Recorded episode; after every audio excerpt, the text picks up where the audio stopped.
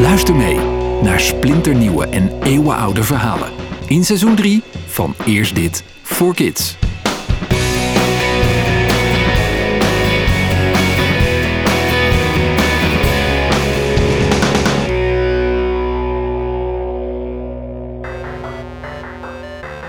Hey Daan, doe die telefoon eens weg. Je weet wat de regels zijn. Volgens mij zit jouw tijd er al lang op. Zou kunnen.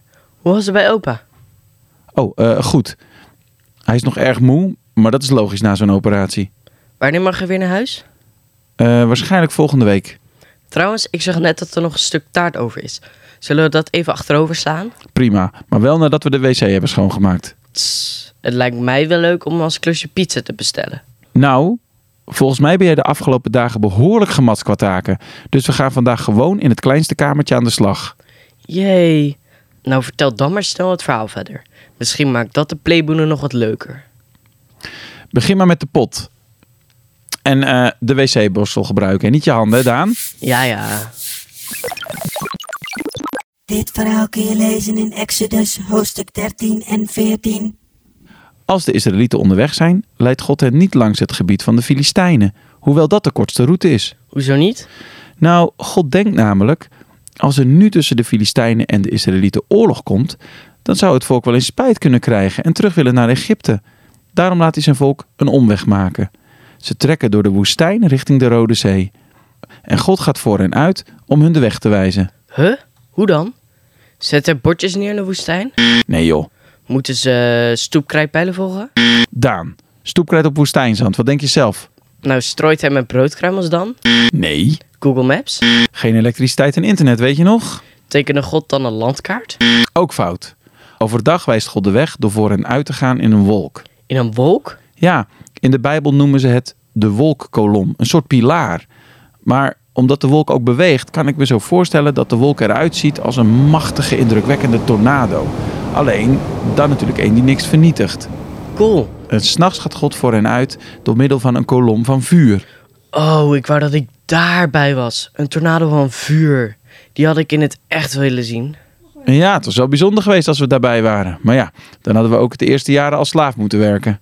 Ik heb trouwens gisteren op school gehoord dat wij Nederlanders een paar eeuwen geleden ook in slaven hebben gehandeld.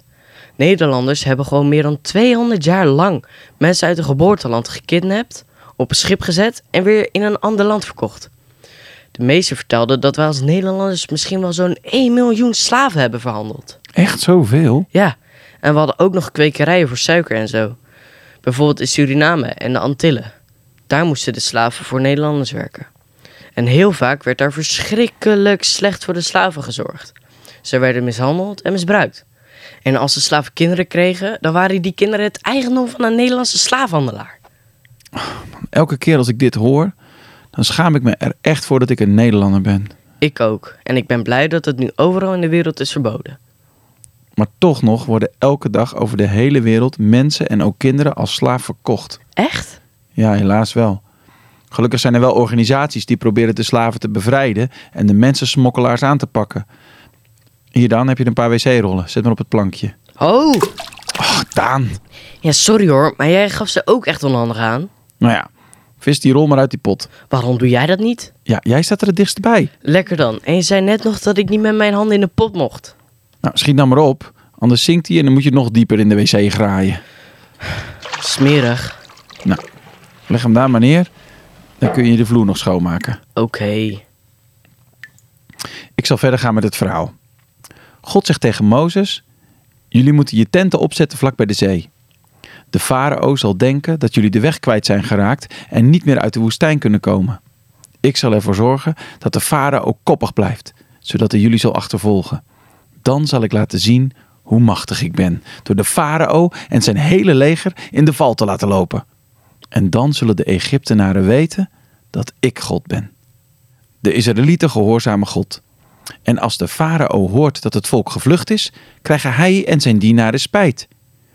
Hoe konden we de Israëlieten zomaar laten vertrekken? zeggen ze tegen elkaar. Nu zijn we onze slaven kwijt. De farao laat zijn strijdwagen klaarmaken en verzamelt zijn soldaten. Dan zet hij samen met de beste officieren van Egypte op 600 wagens de achtervolging in. Hij miste alleen één officier, want die zat te lang op de wc. Omdat hij de rol wc-papier niet kon vinden. Ga maar verder met vertellen. Ik ben klaar voor vandaag. Maar je hebt nog niets aan het einde van het verhaal gestopt wat toen nog niet bestond. Wel, Wat dan? wc-papier. Wat? Hadden ze toen nog geen wc-papier? Nee joh, dat werd pas veel later uitgevonden. Smerig. Hoe veegden ze hun kont dan daarvoor af? Ja, ga dat maar googelen. Want dit verhaal is nog lang niet afgelopen. Maar deze wc is schoon, dus deze klus is geklaard. Gelukkig is er morgen weer heen. Nou, zeker gelukkig.